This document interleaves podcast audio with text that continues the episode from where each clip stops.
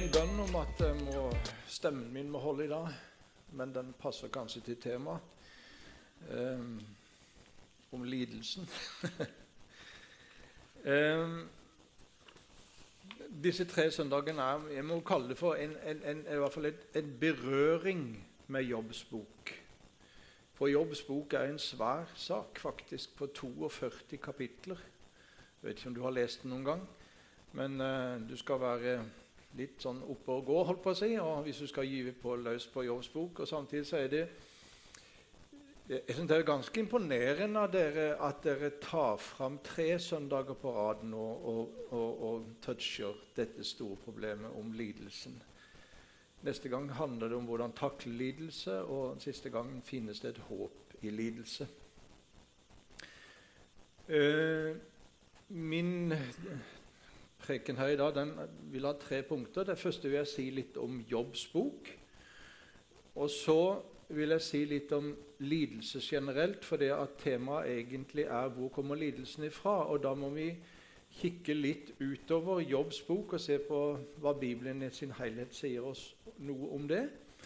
Og det tredje vil handle om det spesielle, helt spesielle spørsmålet som Jobbs bok tar opp. For den handler ikke egentlig om lidelsen, lidelsen sånn generelt, men den handler mye mer om hvorfor la Gud den rettferdige lide?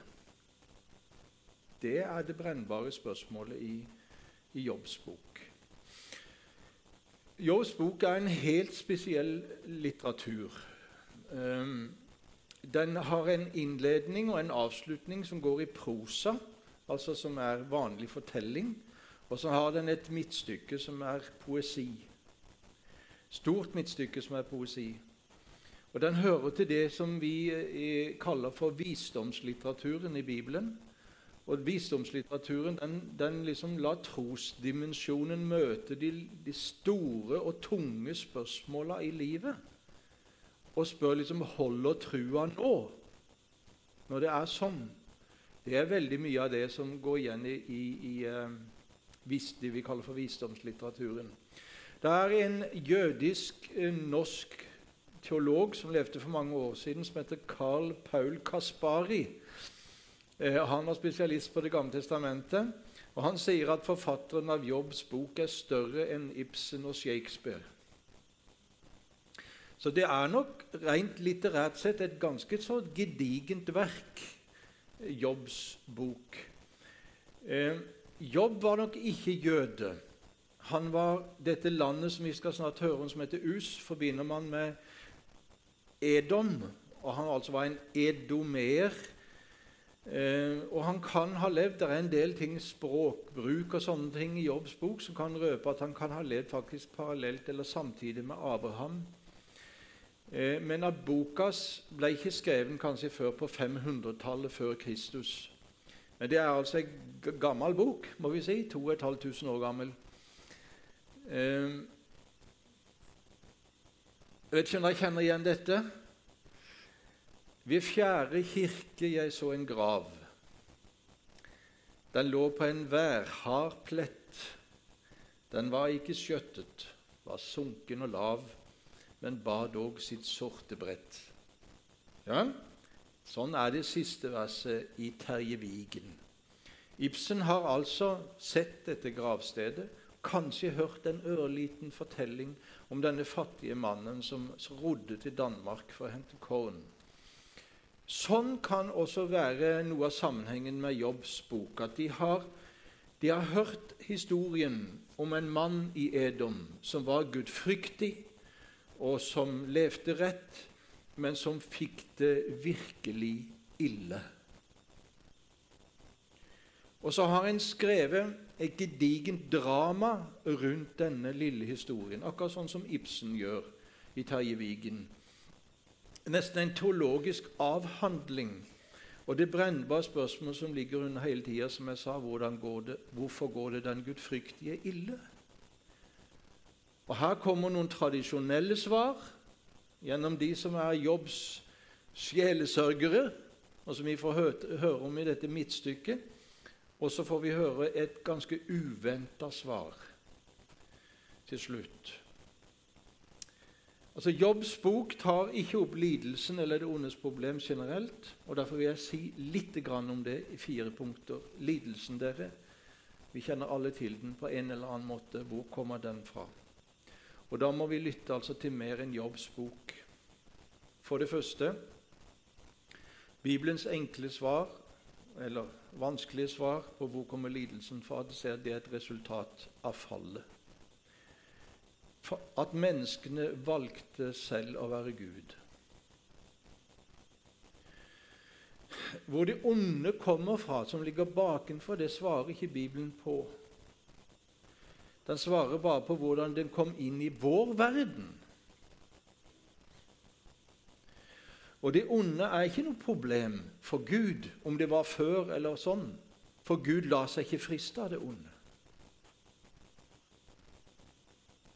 parentes bemerka, det er menneskeslektens håp. Gud lar seg ikke friste av det onde. Men det var en som lot seg friste av det onde, og falt. Han kalles for lysets engel, løgnens far, anklageren, djevelen, og han inntar skaperverket og kalles i Det nye testamentet dere, for denne verdens Gud. Det er voldsomt. Men dette er Bibelens beskrivelse av denne situasjonen. Og hans opptreden i verden, den er i grunnen usynlig. Det er ikke sånn du kan si 'Å ja, det var djevelen'. Det kan du ikke si. Han, hans opptreden i verden er usynlig. Han synes i alle fall i hovedsak å aksjonere gjennom menneskene. Meget sjelden så kobles han direkte til lidelse og sykdom, sånn som han gjør f.eks. i Jobbs bok. Men det er veldig sjelden. For det andre fallet førte til at verden ble forbannet. Altså ikke bare velsignet, sånn som det står i skapelsesberetningen at verden var. Den er nå både god og ond, trygg og farefull. Og livet er blitt prega av medgang og gode dager og av sykdom, lidelse og død. Ja, alt er lagt under forgjengelighet. Så livet dere er 100 dødelig. Det er det eneste sikre vi vet om ethvert menneske som er i denne salen her i dag, det er at det en dag tar slutt. Og dette rammer, så langt vi kan se, helt tilfeldig. Helt tilfeldig, så å si tilfeldig. Og her berører vi spørsmålet i Jobbs bok. Den ugudelige kan ha gode dager og fantastisk helse og den gudfryktige kan få mye lidelse. Hvorfor er ikke Gud rettferdig? For det tredje verden er urettferdig og full av tårer. Hold dere fast fordi det er vi som bor her. Altså en stor del av lidelsen i verden er på en måte menneskene selvforskyldt. Hadde vi holdt Guds bud, ville verden vært et mye bedre sted. Jens Bjørneboe skriver noe veldig interessant, og jeg anbefaler gjerne at du leser det diktet i, i diktet heter 'Min store skyld'. Og Et par av de siste versene er sånn I våre hjerter, der er loven lagt. Å være en tøddel av den står ved makt. Alt står som onde bilder fra et rus. Av jorden har vi gjort et slaktehus. Akk, vi må bøye oss i skam og si rettferdigheten Gud, den frykter vi. Hvem er et menneske som ikke vet? Vi trenger nåde og barmhjertighet. Menneskenes spor i verden og historien er ikke usynlige. og de er skremmende. Og Den fjerde ting som vi sier om dette med, med hvor kommer det fra, det er Men hva med Gud? Har Gud abdisert?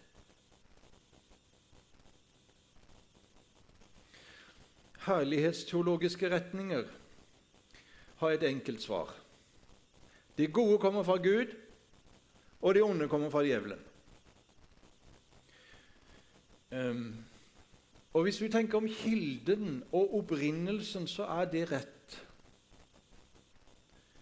Men de svarer ikke på spørsmålet om Gud har abdisert. Jeg tror Bibelen svarer det onde og det gode i vårt liv. Begge deler bruker Gud. Når verden er som den er, når vi er som vi er, så bruker Gud både onde og det gode i vårt liv. Hebreerbrevet sier at det kjennetegner de ekte barnas liv, de ekte barnas liv, at de får både tukt og trøst. Eller som vi ba i den gamle bønnen, hvis noen av dere husker den Du oppdrar oss for ditt rike med kors og trengsel, med medgang og gode dager.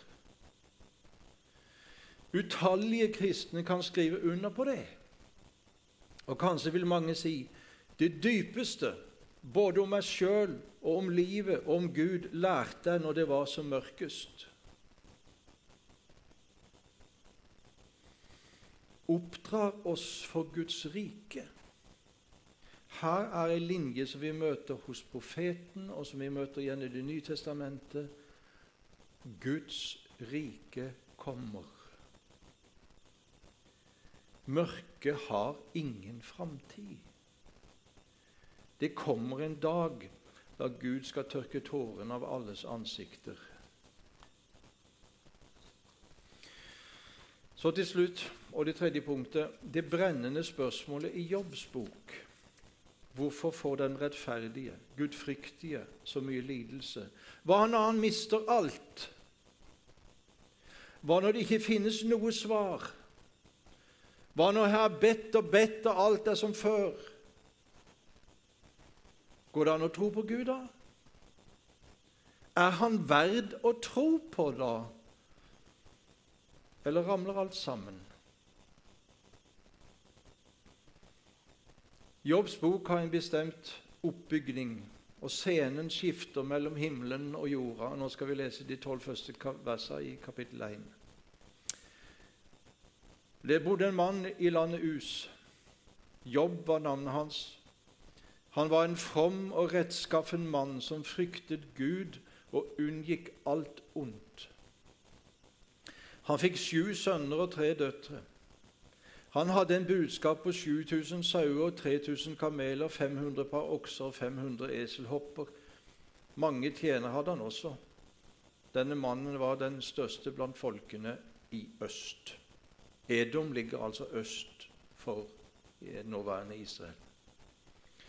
Jobbs sønner pleide å feste hos hverandre på omgang. De inviterte de tre søstrene sine og spiste og drikke sammen med dem.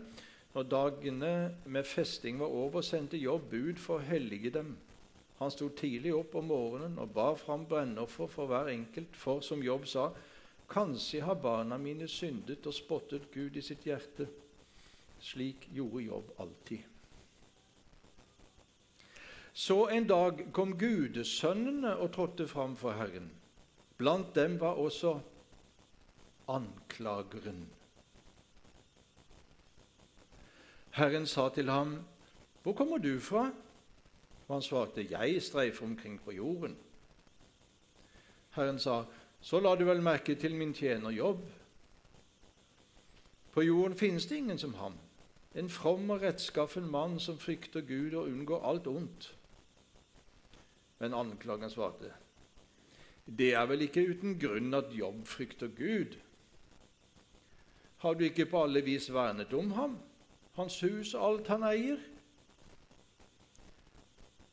Hans henders arbeid velsigner du, og Budskapen hans brer seg i landet. Men rekk bare hånden ut og rør ved alt som er hans, får du se om han ikke spotta deg like opp i ansiktet. Da sa Herren til anklageren, se, alt han eier, er i din makt, men han selv får du ikke legge hånd på. Så gikk anklageren bort fra Herren. Dette er den første scenen i himmelen. Um, begynner altså med at anklageren gjør nesten et veddemål med Gud. Selv om Jobb er gudfryktig på alle vis, så sier egentlig anklageren innrykk så stikker ikke trua hans så veldig dypt. Bare ta fra han alt, så skal du få se. Da vil han spotte deg. Og Det blir også indirekte et angrep på Gud sjøl. Gud er ikke verd å elske for sin egen del, bare for velsignelsens del.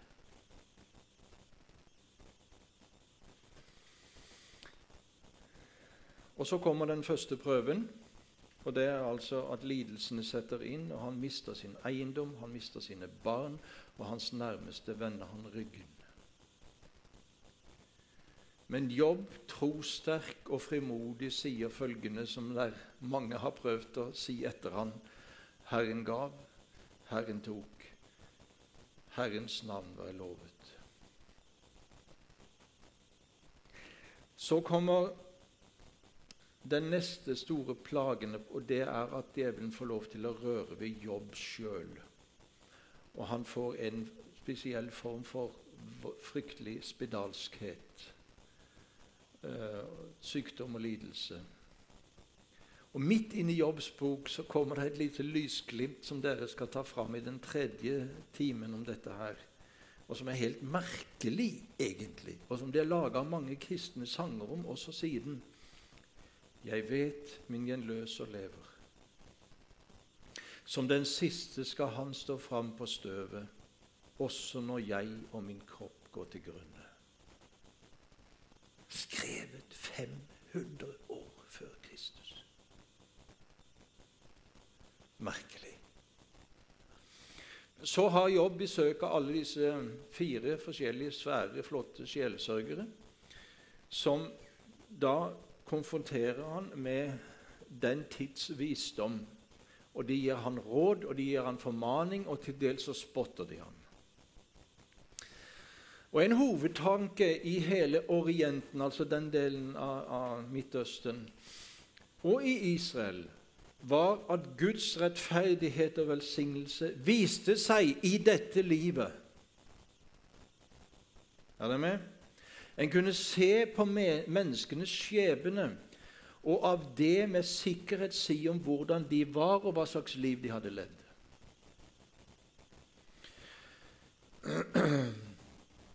Vel, de sa også, også den rettferdige for mange plager. Det står i en av salmene. Men så føyes det til men Gud utfrir ham av de alle. Sånn er det.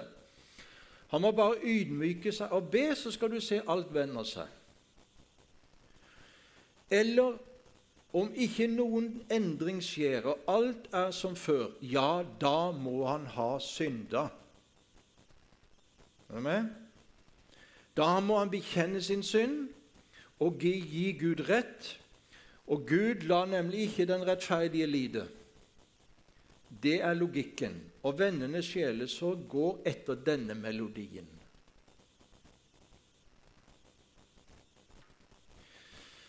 Til slutt så brister det for, også for jobb. Men han holder likevel fast på sin uskyld.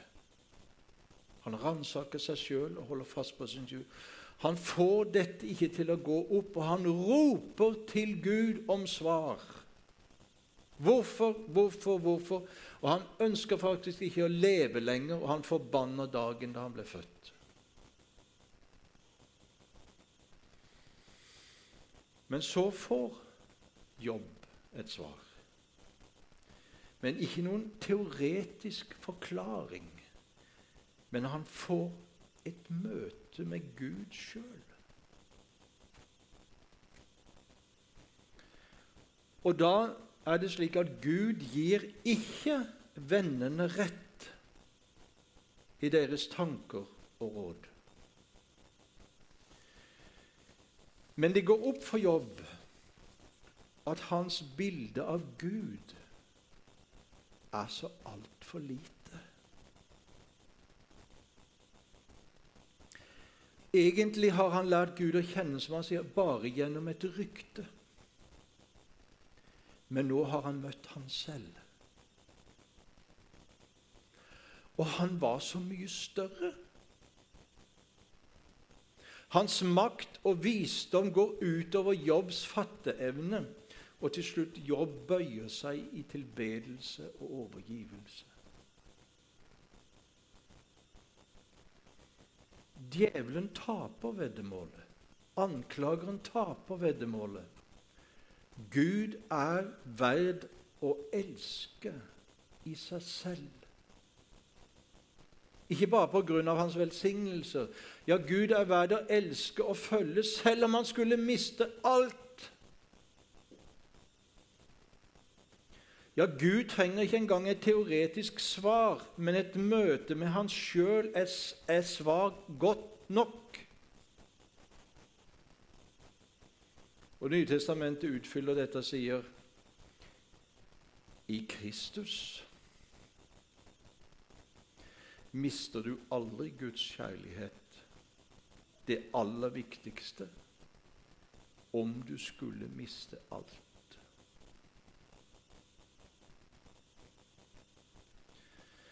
Lidelsen for den som er midt oppi den. Det er en smal og kronglete vei med mange bønner og mange tårer og mange erkjennelser. Men Guds mål er at vi skal få en større Gud en prøvet og sterkere tro. Det onde er ondt og blir aldri godt. Men Gud har ikke abdisert. Han kan og vil bruke det, så han blir større, og vi elsker han høyere.